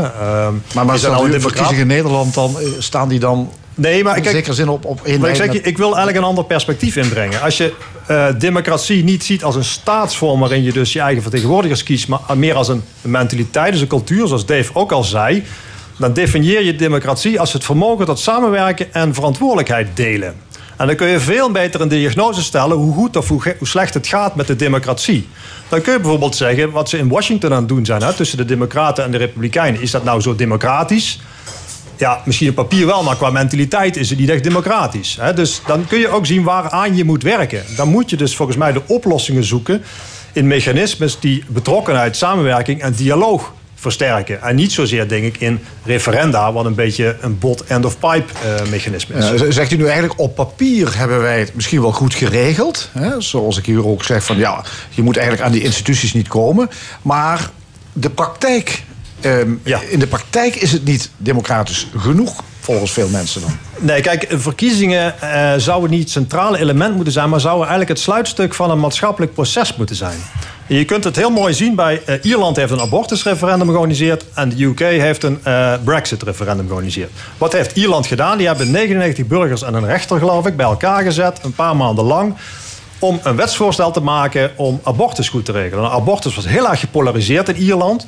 Dus die hebben dat in alle rust uitgewerkt. Die hebben emotionele argumenten, zakelijke argumenten bij gezet, experts betrokken. Die hebben een artikel gemaakt, is in een referendum als sluitstuk aan de bevolking voorgelegd. En het is geruisloos door twee derde meerderheid van de bevolking aanvaard. Discussie min of meer gesloten. De UK heeft het omgedraaid. Die zijn eerst begonnen met zeggen, het competitiemodel. En hebben daarna geprobeerd de dialoog te vinden. Maar die konden ze natuurlijk niet meer vinden. Dus het land is nu hopeloos verdeeld. Je kunt je afvragen of de UK niet veel beter een maatschappelijke dialoog gaat kunnen organiseren over de rol en positie van de UK in Europa. Met alle argumenten bij rij, dan hadden ze nu waarschijnlijk er veel beter voor gestaan dan ze nu voor staan. Ja, dus ik vertaal het zo. Je moet ervoor zorgen dat iedereen het gevoel heeft dat die democratie ook voor hem of voor haar is. Precies. Nou, wat essentieel is, is ook dat je. Kijk, democratie er hoort ook bij burgerschap. Uh, Je eigen verantwoordelijkheid nemen als burger om bij te dragen aan een gezamenlijk land. En wat we nu zien in het onderwijs, onder andere, is dat burgerschapsvorming, het vormen van kinderen, dat onvoldoende uh, van de grond komt. En dat komt onder andere omdat we alleen maar kijken naar de inhoud. Te kijken naar wat moet je feitelijk kennen, kennen hè, dus weten als kind, als leerling, om goed burger te kunnen zijn in de democratie. En het gaat niet om de vorm. Het is ook belangrijk om de vorm mee te nemen in de overdracht van het onderwijs. Wat ik daarmee bedoel. Uh, je kunt op een spelende manier kun je ook oefenen met gemeenschappelijk verantwoordelijkheid nemen als klas. Uh, voor besluitvorming. Je kunt oefenen met, eh, met allerlei vormen van democratie in een heel, heel kleine manier. En dan wordt het heel erg normaal. Dat gaat ingeslepen worden in het houding en gedrag van de, van de burger van morgen. Ik denk dat wij eh, democratie te veel, conceptueel benaderen vanuit een inhoudelijk staatsrechtelijk vraagstuk. En daarmee dat het voor VWO-leerlingen veel interessanter is dan voor een VMBO-leerling. Maar als je het nou heel laagdrempelig maakt en je hebt het alleen maar over op welke manier gaan wij ja, bijvoorbeeld een, een, eh, een klasvertegenwoordiger kiezen? Op welke manier gaan wij kiezen voor wat, welke, welke keuzevakken je kunt, eh, kunt uitzoeken? Eh, daarmee leer je eigenlijk al heel erg kleine, kleine, kleine elementen van wat is nou democratie en wat is nou ook je rol van als, als leerling, leerling om daar onderdeel van te zijn. Je kunt er niet jong genoeg mee beginnen. Exact. Klaasien Horsman, u bent eh, hoogleraar filosofie van de publieke gezondheidszorg. U heeft onderzoek gedaan naar burgerparticipatie in Limburg. Wat is burgerparticipatie eigenlijk? Nou, we hebben, hebben vooral eh, onderzoek gedaan naar burgerinitiatieven. En met name in heel veel dorpen, maar ook een aantal steden trouwens.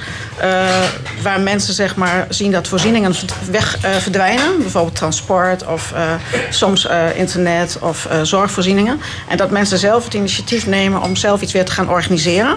En vaak zie je dan dat een groepje bij elkaar komt en mensen maken een plan.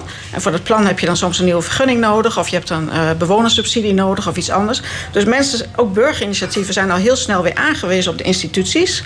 Zoeken dan samenwerking. En dan vervolgens moeten ze, komen ze in een soort papierwinkel terecht. Met heel veel regels en formulieren en formats en et cetera. En dan zie je van wat zijn nou de burgerinitiatieven die het kunnen redden. Dat zijn initiatieven die geleid worden met karttrekkers die boven de 65 zijn. eh, Die heel veel tijd hebben. Witte mannen eh, met een groot netwerk, professioneel netwerk. Die doen op het moment suprem zeggen ik ga Ger Koopmans wel even bellen. Ja, kortom, Eh, dat is ook niet echt wat je noemt eh, participatie van de burger. Ja, dus dat zijn eigenlijk. Dus, over, dus je ziet dat ook burgerinitiatieven eigenlijk in dezelfde technocratische democratie verzand raken als de professionele democratie. Dus je ziet een soort herhaling van zetten daar. Dus burgerparticipatie is dan niet eens de oplossing, want die komen in hetzelfde proces terecht. U heeft een brochure uitgebracht met als titel... Uw initiatief past niet in ons kader. Ja. Dat, dat zinnetje maakt alles duidelijk. Ja, dat maakt alles duidelijk. Dat, eh, mensen, iedereen zegt burgerparticipatie, dat is echt het eh, nieuwe Walhalla, zeg Ja, maar. dus- Iedereen moet dat doen, maar op het, moment, op het moment dat mensen dat doen, dan lukt het gewoon bijna Ja, niet. De iedere af. ambtenaar, iedere wethouder vindt het geweldig. Er zit een rijksambtenaar aan tafel, dus die kan misschien... eh, maar de groeiende deken van regels, formulieren en controles drukken de, de inwonersinitiatieven dood. Ja, waarbij dus gezegd staat, dat staat in de conclusie, dat diezelfde regels dus ook voor een deel het kenmerk zijn van onze rechtsstaat.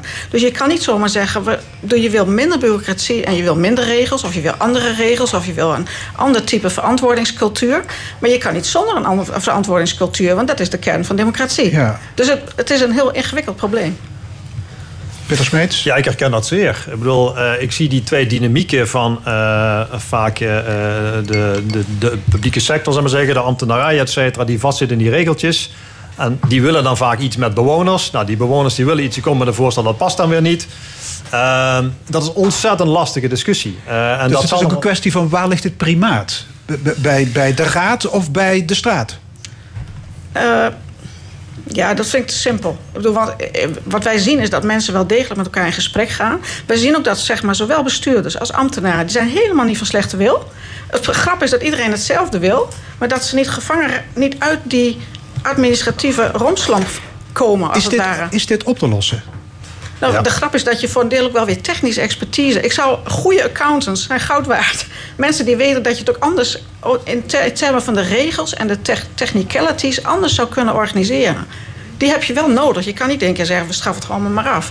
Ja, het is, het, is, het is heel lastig, maar ik denk dat je dus. eh, eh, je moet enerzijds, denk ik, meer ruimte laten voor experimenten. Meer ruimte laten in de regels. Tegelijkertijd moet je natuurlijk de rechtszekerheid eh, van de mensen natuurlijk ook niet eh, eh, onder de mat schuiven. Dus dat blijft een lastig evenwicht zoeken.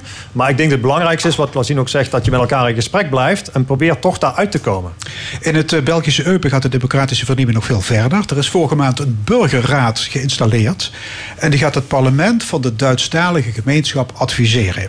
Eh, die burgerraad die bestaat uit 24 mensen die via loting zijn geselecteerd. Dave Ensberg, moeten wij ook zoiets gaan doen? Nou, het is goed om te experimenteren ermee. En wat ik daar interessanter in, in vind, is eh, eigenlijk de rol van politieke partijen. Want de cultuur die, eh, die er bestaaat in de politieke arena's... is natuurlijk een cultuur die voortkomt uit de rol van politieke partijen. Kijk, politieke partijen hebben de neiging als elk instituut in ons land... om zichzelf in stand te willen houden. En op een gegeven moment zou je misschien kunnen zeggen... nou, je hebt, de, je hebt je beste tijd gehad, je kunt jezelf eh, weer eigenlijk opheffen. Nou, die, die, die situatie komt zelden voor. Eh, fusies komen ook zelden voor. Hè. Eh, volgens mijn partij, 1980 de laatste keer. Misschien is er wel een tijd weer voor een nieuwe, nieuwe vorm van fusie. Het is belangrijk ook dat politieke partijen zichzelf blijven vernieuwen. En als je dan je vernieuwt, dan zul je ook andere mensen kunnen aanspreken... die onderdeel willen zijn van de dem- democratie in brede zin. Ik merk ook dat eh, politieke partijen de behoefte hebben om zichzelf eh, te profileren ten koste van de ander. In plaats van samen oplossingen te vinden voor vraagstukken die gemeenschappelijk van aard zijn in de samenleving. Eh, ik denk dat het ook goed is om even scherp te kijken naar politieke partijen. En zo'n partij als de Partij voor de Dieren, die nu zo heel duidelijk laat zien hoe zij zelf met de partijdemocratie omgaat, namelijk niet. Dat is echt bij de beesten af. Het is echt, zijn van de ratten daar bij de Partij voor de Dieren. Eh, maar dat is echt een, echt situatie. Dat je op die manier ook laat zien. Van, nou, word je lid van onze vereniging. Dan mag je wel lekker deel, deelnemen. Je mag zelfs een partijvoorzitter kiezen. Maar eind van de rit eh, is er gewoon een, partijtop die hem af kan zetten. Dat is natuurlijk een, een, een signaal richting alle burgers. Of je nou in een burgerraad zit of wat dan ook. eh, van, aan, dat, aan, dat, aan die klik ga ik niet meedoen. Ja. Klasien Hosman, wat vindt u van die eh, burgerraden Eupen met die ingeloten eh, Ik vind, ik, burgers? vind, ik vind dat een uitermate interessante vorm. En met name ook voor allerlei lokale vormen van politiek. Omdat ik denk dat de lokale politiek nog eens zwaarder weer verkeert eigenlijk dan de nationale politiek, als ik eerlijk ben. Eh, terwijl, want de budgetten daar zijn enorm. En de, de vraag is wie dat eigenlijk controleert. Eh, dus ook de, de opkomst bij verkiezingen lokaal is gewoon echt minder dan landelijk. Dus ik vind dat een hele interessante vorm. We hebben in 2014 in Maastricht, toen de WMO eraan kwam, een soort burgertop à la David van Rijbroek eh, georganiseerd. Voor, het gebied met vragen rond gezondheid en zorg. Ja, met overal 200 tafels. 200 mensen gelood via de Ja. eh, uitnodiging van de basisadministratie. En wat je dan ziet is dan, dat je in ieder geval meer diversiteit aan tafel krijgt dan als je zomaar mensen uitnodigt. Dat is, dan zie je nog dat sommige wijken ondergerepresenteerd worden en jongeren. Maar wel, je ziet wel meer mensen als je een, een, een eh, bijeenkomst in het stadhuis zomaar organiseert met een open uitnodiging voor iedereen. Ja, maar allemaal mooi en aardig. Maar die doe-democratie die wordt wel eens vergeleken met een stuk leukoplast op verrot beton. Eh, Dat, die, kans, zit er ook aanzienlijk in als je het niet serieus neemt. In die zin, als je zegt groots onderhoud, ik bedoel niet revolutionair, maar wel heel serieus. En nu zijn heel veel eh, initiatieven, hebben het karakter van een leuk evenement. En de wethouder komt en bloemen en iedereen vrolijk, iedereen gaat naar huis. Dan heb je, hoe zeg je dat, gewast, geplast. Eh, hoe is die uitdrukking? Eh, ik weet niet meer, maar goed. dan- Va- va- vaak zie je dat Ja. het referendum als een eh, oplossing naar voren wordt gebracht. om die, eh, ja, die afstand hè, tussen de kiezer en de, de, de politiek en de overheid. om die te overbruggen. Ik hoorde tot nu toe hier nog niemand dat, met dat idee komen hier aan tafel. Peter Nee, Smits. als je de analyses hoort die wij maken, dan vraag ik me af of dat de oplossing voor het probleem is. Kijk, het kan hoogstens een, een beetje een lompe noodrem zijn hè, om mensen die zich niet gehoord voelen toch te betrekken. Maar dat zijn ook maak de mensen die in verkiezingen het meest manipule- eh, te manipuleren zijn. Ik zie veel meer juist aan de voorkant in de dialoog dat proces aangaan. En het interessante van die burgertop is dat je juist daarbij dus een soort van representatie kunt krijgen die je normaal niet kunt krijgen. Je krijgt die afgehaakte burgers natuurlijk dan wel aan tafel. Want als je het niet gaat doen, dan is je inderdaad de blanke, hoogopgeleide oudere man die dan eigenlijk toch eh, het, het, de, de burgerdemocratie gaat doen. En dat is een beetje... Ja, ik, er zijn ontzettend veel mooie initiatieven in dit land. Eh, er gebeurt heel veel op het gebied van burgerparticipatie. Maar dat is wel een aspect dat je in de gaten moet houden. Ja, laat ik het dan nog één keer proberen. Maar als je dan die, die hele discussie gevoerd hebt maatschappelijk... is dan het referendum als sluitstuk, dat hoorde ik wel al zeggen... is dat dan niet een mooie bekroning? Nou, zou het kunnen zijn, maar ik ben niet zo enthousiast over het referendum. En dat komt eigenlijk vooral. Ik wil denken aan. Als referendum het middel is om de zieke patiënt democratie te mee te genezen. dan is dat echt een verkeerd middel. Ik moet denken aan bijvoorbeeld een, in een huwelijk. Hè, als een huwelijkscrisis aanwezig is. En dan zou je eigenlijk zeggen: van nou ja, we gaan gewoon vaker met elkaar lekker weekendjes weg. En dan gaan we kijken of het beter gaat. En volgens mij moet je dan juist terug naar nul. Dan moet je naar de relatietherapeut en kijken waarom hebben we eigenlijk überhaupt voor elkaar gekozen. Wat is eigenlijk de essentie van ons huwelijk? En wij dwingen ons niet eh, eh, als Nederlanders om terug te gaan naar de essentie van ons huwelijk, ons, onze samenleving. Waarom hebben we ooit gekozen? Waarom hebben mensen 75 jaar geleden hun leven gegeven voor onze vrijheid, onze democratie? Eh, eh, om dat, dat- die vraag met elkaar te beantwoorden. Dan kom je tot hele andere uitkomsten. En dan kan een referendum interessant zijn, maar het is een beetje, ja, het, het gaat nergens over. Ja, Klasine Hosman, referendum. Nou, ik, ik ben wel lief meer van een weekendje uit dan van een relatietherapeut. maar los daarvan, eh, Nee, ben ik, ik vind, je moet heel erg goed nadenken over wat voor soort beslissing je op welk niveau wil gaan afhandelen, op welke manier. En ik vind een zekere maat van zorgvuldigheid daarin en een meer een procesbenadering vind ik belangrijker dan een soort van takbesluitbenadering. Dus als je dat zo wilt doen, dan vra- vraagt dat heel erg veel over het proces aan de voorkant. Eh, en ik denk dat we daar juist heel vaak steken laten vallen. Ja, ik kreeg de handen niet op elkaar voor het referendum hier, hè? Dat is Nou, duidelijk. ingewikkeld, Nee, ja. Ja. Oké, mag ik jullie hartelijk danken voor dit gesprek. Onderzoeker Klazien Horstman, CDA-prominent Dave Ensberg-Kleikers en Rijksambtenaar Peter Smeets. Dank jullie wel. En hier op ons eh, podium in Café Forum staat eh, nog steeds de Rocket Fuel Lighters. Eh, rockband uit de voormalige oostelijke mijnstreek. Parkstad heet dat tegenwoordig. We gaan luisteren naar Face It. early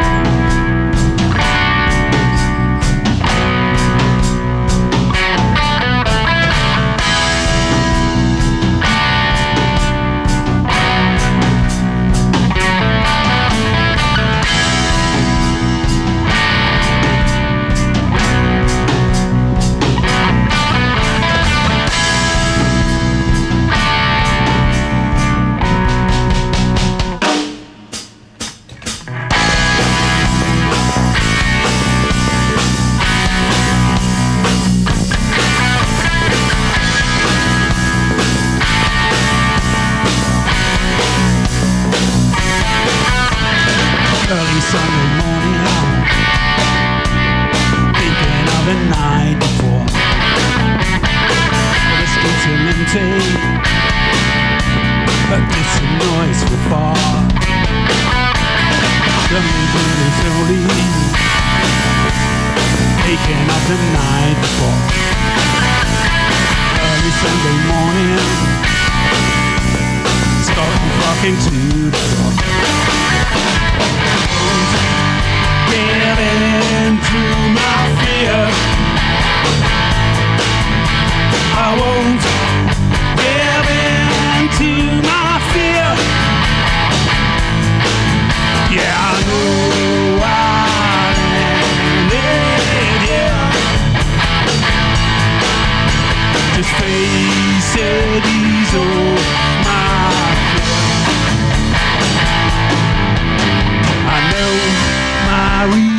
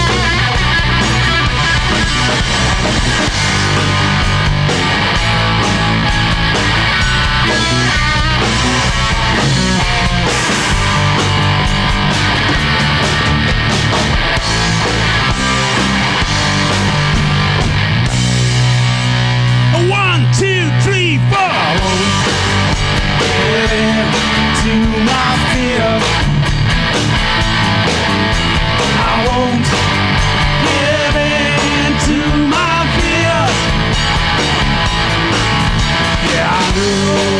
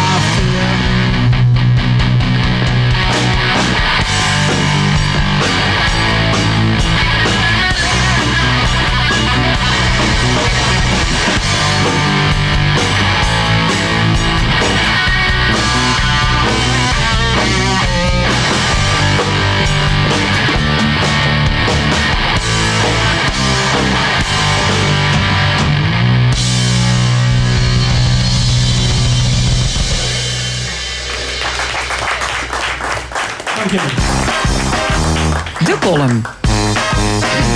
Vandaag met Rezi Kouwmans. Goedemorgen. Eh, middag, sorry. Ja, zit nog in de... in de, de tijd eh, duidt met mij altijd verschrikkelijke dingen. Maar ik wil het hier hebben over de duidelijke taal. Het was net in het vorige onderwerp hier aan tafel ook al heel erg allemaal begrijpelijk voor ons, moet ik zeggen. Eh, de uitdrukking was trouwens, ze dronken een glas, ze deden een plas en alles blijft zoals het was. Geef ik u met. Maar de duidelijke taalbrigade is op paad. En wo zijn ze begonnen, denk je? Jawel, bij ons in Remunja. En daar zijn ze dan ook nog trots op, die Remunja. hè. De staatssecretaris kunt vertellen dat veerkleurtjesvolk haar niet begrijpen. En ons bestuur steekt erbij te stralen. En het hele grapje, dat mag ook nog eens gewoon 3 miljoen kosten. 3 miljoen om tegen een rijksambtenaarbezitter te zeggen dat er gewoon moet spreken dat weer een begrepen. Ja, wie moeilijk kan dat zijn? Maar dat echt, snap ik niet, 3 miljoen. Maar goed, ik vind van mezelf dat ik namelijk altijd heel duidelijk ben. Maar som- soms snappen die lui mij ook niet. Kijk, als ze nog een glas bier willen drinken na sluitingstijd... en dan zeg ik nee. En dan zeggen ze, oh, nog ene. En dan zeg ik, nee. Wat is er niet te begrijpen aan het woord nee? Hoe ik maar met wil zeggen dat het niet altijd aan degene ligt die het zegt... maar soms ook aan de ontvanger. Want als ik wel eens in Amsterdam kom, is de eerste vraag altijd... Kom je uit Limburg? Nou, knap van je, zeg ik dan. Hè. Waar zie je dat aan? Nee, dat hoor ik, zeggen ze dan. Oh, goed. En de tweede vraag is altijd... Kun je ook Nederlands praten? Ik zeg, ja, sorry. Ik zeg, kan ze me verstaan of, of wat? hè? Spreek ik dan Chinees? Hè? Snap je, heb ik er allemaal wel eens met gemaakt, hè? Over dat Limburgs gesproken trouwens. Heb je er naar de wereldrijd doorgekeken? Van de week. Hoe Oost-Limburgse corifeeën gingen stralen en staan. Zeg ik eerlijk, wat vond je ervan? Verschrikkelijk, ja. Ik vond het ook echt bagger. Ik bedoel, als het de bedoeling is om door Oost-Limburgs met op de kaart te zetten... dan is dat naar mijn mening volkomen mislukt. Wat moeten die daar trouwens ook steeds allemaal in het westen? Beppie in Ahoy en nu in Paradiso. Kijk, als ik naar Amsterdam ga, dan ga ik er gewoon her om eens lekker zaad te weren zonder dat ene mijn kind. Maar een nacht van het Limburgs leed. eh, en dan bedoelen ze met leed liedje en niet ellende. Waarom in godsnaam? Nou ja, blijkbaar wonen daar ook veel Limburgers. En die vinden het dan leuk hè, om daar daar te gaan loesteren. Nou, ik denk dan dat die hier nooit mee komen loesteren. Connie Palme, haar? Die had ooit eens tegen mij gezegd... het leukste van Limburg is dat ze er weer goed vertrekken. Dus, ja, zie maar bussen alleen en een goede Limburger... als ze het daarboven gemaakt hebt. En, en dan zeggen ze dan ook nog... ik ben er trots op dat ik een Limburger ben. Trots? Dat vind ik sowieso een ganz verkeerd woord. Je kunt blij zijn. Je kunt dankbaar zijn hè, dat ze hier geboren is en niet in Somalië of zo. Maar dat ze er trots op is, dat is toch niet hun eigen verdienste. Trots bus ze erop als ze zelf een huis hebben gebouwd met hun eigen handen. Ze is er trots op, zelf gedaan. Proud to be South. Daar beginnen juist alle stammenoorlogen met. Met het misplaatst chauvinisme en latent minderwaardigheidscomplex. Als we eens beseffen dat we allemaal op een wereld wonen. Goed. Dan wil ik eindigen met dat woord zo'n zondag. Dat eigenlijk gaat wat totaal helemaal niet bij de column past. Maar dat, dat, dat lozig. Er is namelijk een hele grote fabrikant van hygiënische persoonlijke producten. Die besloten heeft om de verpakking genderneutraal te maken. Voor menstruerende personen. Wie duidelijk kent ze zijn.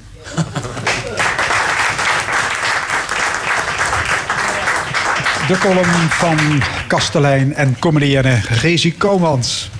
U luistert naar L1 met De Stemming. We zijn toe aan het discussiepanel. Drie stemmingmakers bespreken in het oog springende actualiteiten.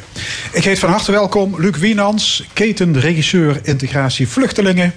Joost Reinaert, beleidsadviseur en actief in de PvdA. En Erik Koppen, voormalig VVD-bestuurder. Ja, er is een eh, groot onderzoek gaande naar het gedrag van politieagenten in Horst en Peel de Maas.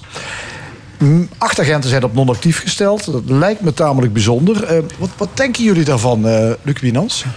Nou ja, goed, als je acht agenten eh, ja, eventjes op non-actief stelt, dan is daar vast een reden voor. En een van de redenen, heb ik begrepen uit de krant, is dat ze niet luisteren naar hun leiding.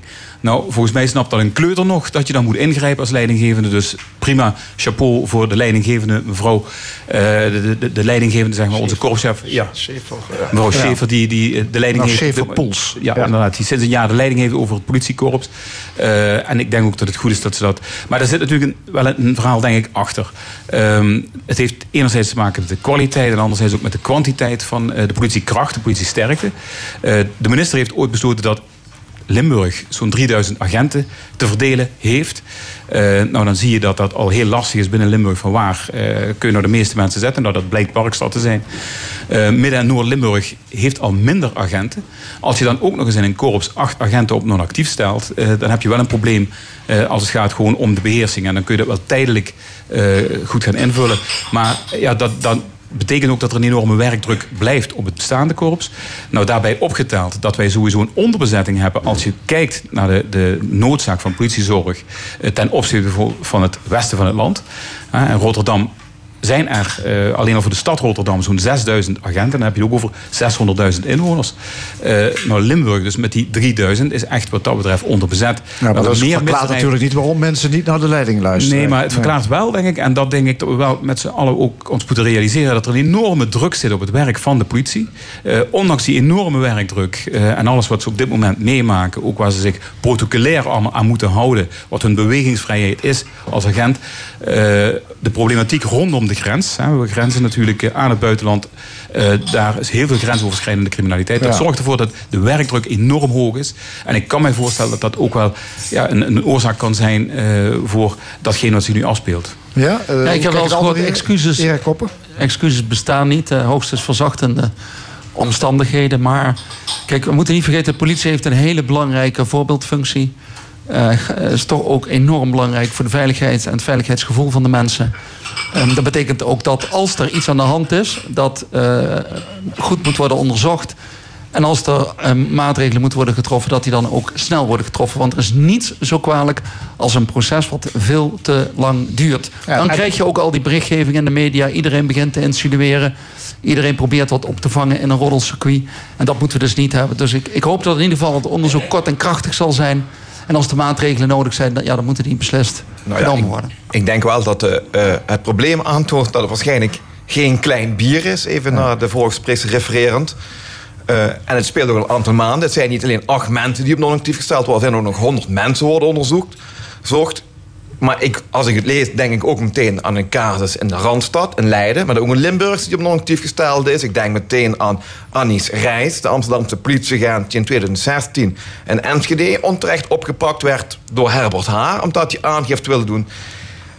Wat ik ermee wil zeggen is, wij moeten als burgers kunnen vertrouwen op een politie. Wij worden geacht naar de wet te luisteren. Dan moet een politieagent ook naar de wet luisteren. Ja, het gaat over de interne bedrijfscultuur. Heel veel weten we er nog niet van. Eh inderdaad, het niet luisteren naar de leiding.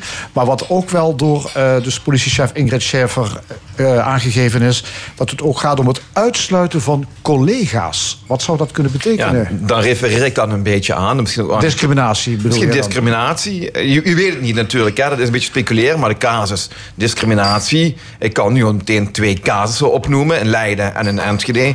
Waar discriminatie wel degelijk een rol speelt. En het lijkt mij dus dat je in dit land... ongeacht geslacht, kleur, afkomst...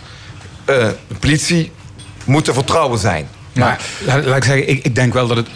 Er is het onderzoek gestart. En ik denk ook dat wij dat moeten respecteren. En ook de tijd moeten geven om dat onderzoek zorgvuldig te laten plaatsvinden. Ik Je zie ook zou dat kunnen alle- zeggen, je moet meer openheid van zaken geven over wat er nou precies speelt. Want Ja, dit ik- blijft inderdaad in de sfeer van. Ja, maar ik, ik denk niet dat wij met z'n allen moeten denken dat we met z'n allen het politiekorps gaan besturen. Eh, laat dat nou over aan de mensen die daarvoor verantwoordelijk zijn. Dat zijn in dit geval eh, de burgemeesters, het Openbaar Ministerie eh, en natuurlijk de leiding van de politie. Ik heb er alle vertrouwen in dat zij daar ook goed hun werk in kunnen doen. En hoe minder wij dat verstoren met z'n allen, hoe sneller en beter dat het gaat.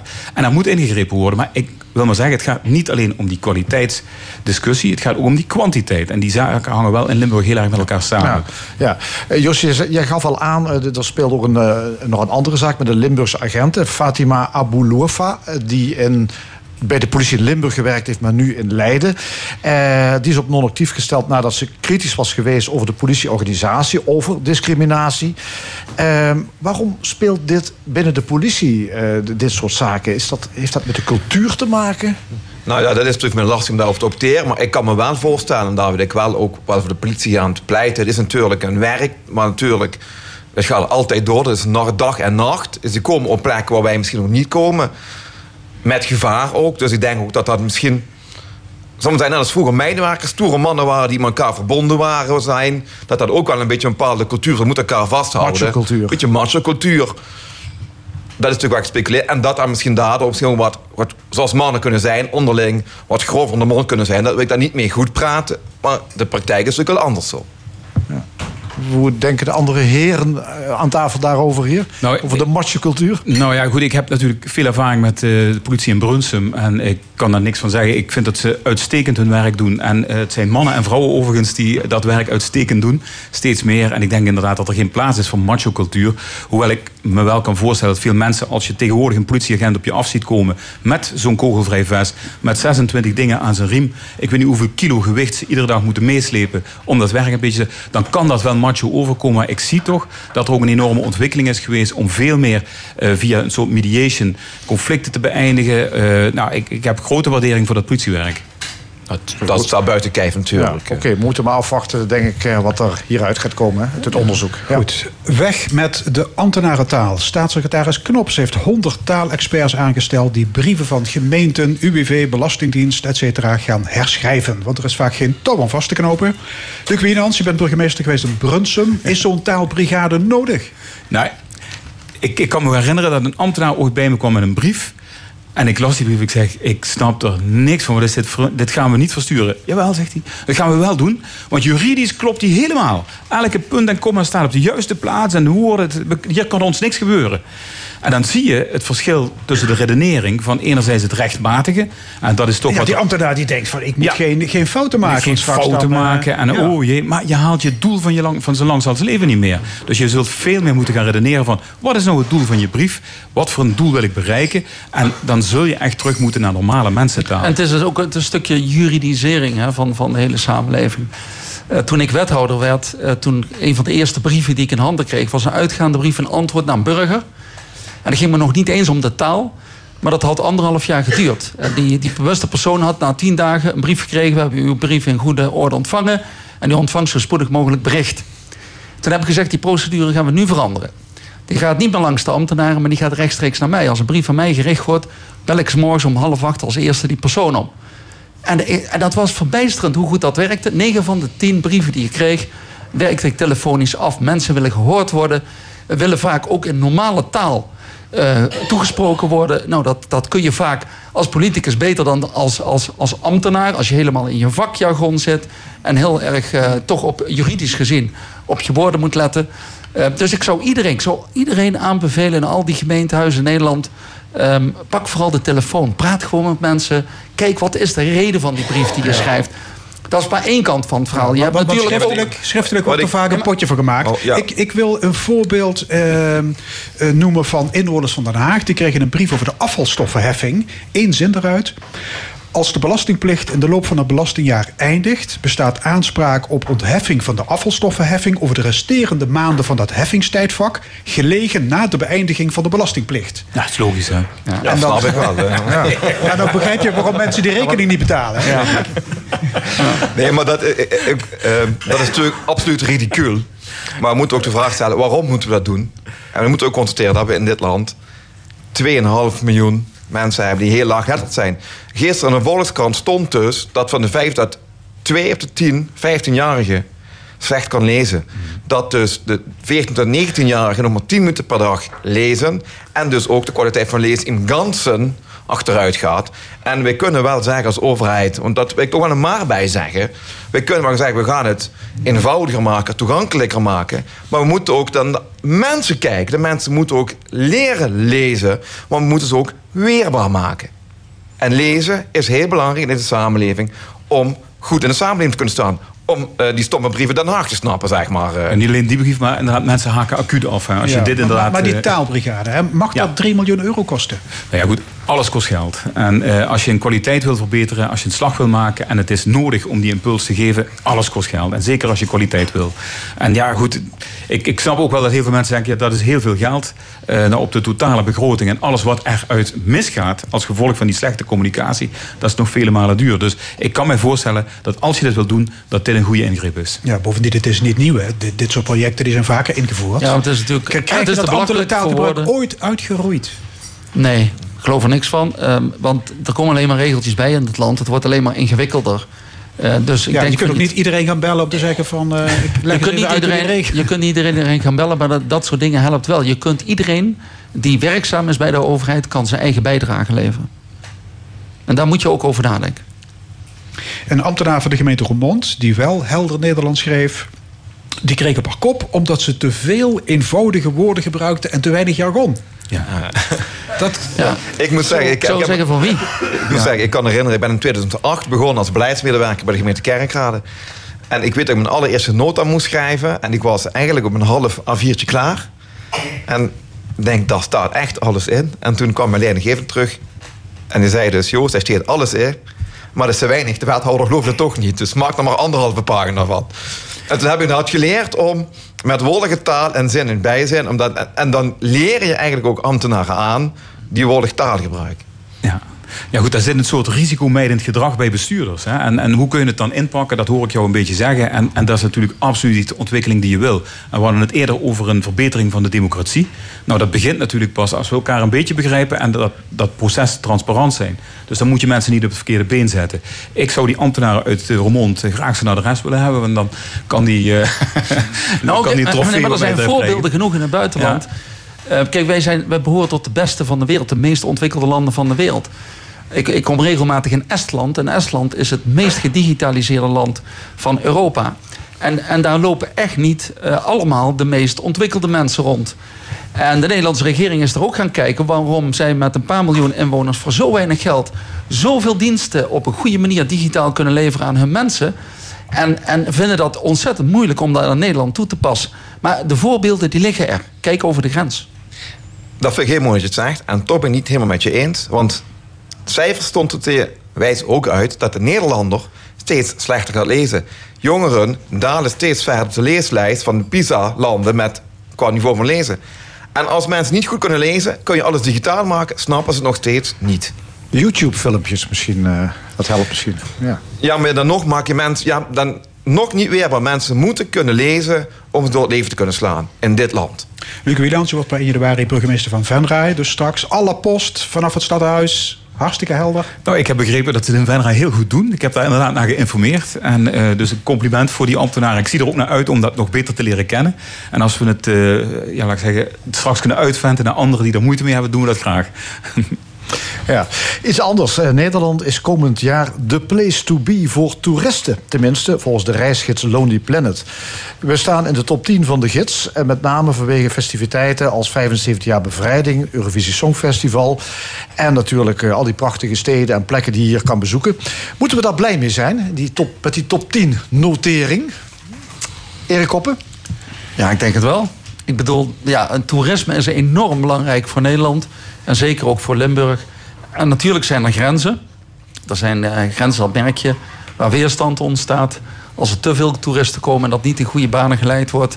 Maar, eh, en dat zie je bijvoorbeeld in het Heuveland. Ik fiets graag. En er zijn steeds meer mensen in het Heuveland die weerstand vertonen tegen al die fietsers. Maar die fietsers zorgen ook voor omzet. Die zorgen ook voor banen. En, en die zorgen ook dat de hotels, de restaurants en de ijssalons... dat die allemaal eh, goed draaien. Dus eh, we moeten een juiste balans zien te vinden. Dat is de kunst in Nederland. Tussen de, de hoeveelheid toerisme en hoe je met z'n allen nog... eh, met een prettig gevoel samenleeft. Dat is natuurlijk wel de kern van het probleem natuurlijk. Waar zit die balans? Ik heb vrienden in Amsterdam. Die hebben eens geklaagd dat er zoveel toeristen waren. Toen liep ik de dag daarna door de negen straatjes. En daar zijn inderdaad al heel veel toeristen. De mensen worden bij een attractie in hun eigen stad. Ze kunnen niet meer in hun eigen stad wonen. De woningen zijn onbetaalbaar, de voorzieningen worden onbetaalbaar. Je ziet het hier in de week in Maastricht. begint ook langzaam te gebeuren. Dat mensen zeggen, ik koop het huis niet om erin te wonen, om er Airbnb in te maken. Dat is een hele cruciale factor voor balans. Die je moet behandelen, ook in Zuid-Limburg, ook in het Heuveland.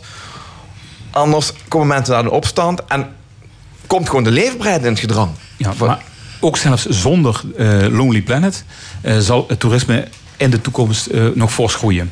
Nou, dat is overduidelijk uit alle onderzoeken. terwijl wel eens eerder gedacht is van dat dat op een gegeven moment zou het genoeg zijn. Maar dat is niet zo.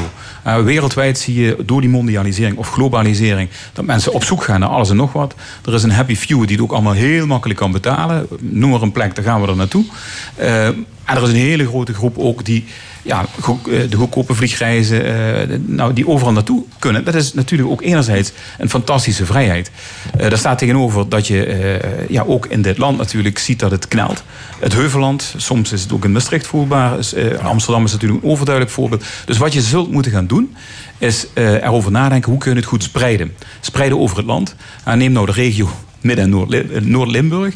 Een fantastische regio eh, met heel veel fietsmogelijkheden. eh, heel veel culinaire attracties, zal ik maar zeggen. Daar is van, van alles nog wat te doen. Daar is zeker nog groei van toerisme Ja, mogelijk. Luc, ik snap dat als burgemeester van Venray dat jij dit zegt. Ja. Maar als ik als toerist vanuit Amerika of China naar Nederland zou komen... zou ik niet meteen aan Venray denken. Nee, daar zul je spijt van krijgen. Dat, eh, Maar dat begint wel niet missen. sens- Maar die Maar mensen gaan allemaal naar Amsterdam. Die gaan... eh, Ja, maar wat ik, wat ik daarmee wil zeggen is de spreiding van het toerisme. Eh, iedere regio heeft interessante issues waar je, waar je naartoe kunt. En dat is belangrijk dat je dat bij de toerist naar voren brengt.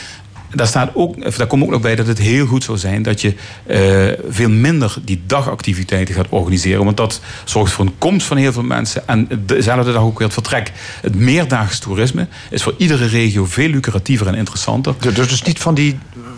Wat voor soort evenementen bedoel je dan? Ja, Dagevenementen? nou ja, je ziet dat er, er worden nogal wat evenementen georganiseerd. Je ziet ook in dat verhaal van Lonely Planet. Ja, dan hebben we het over ja, Koningsdag. Koningsdag, ik, ja. vind, ik vind dat heel bijzonder dat dat dan benoemd wordt. Ja. Dat is één dag waarin vooral Nederland feest viert. En dat is niet echt een attractie waar je van zegt van nou kom vanuit het buitenland eens kijken hoe wij Koningsdag vieren.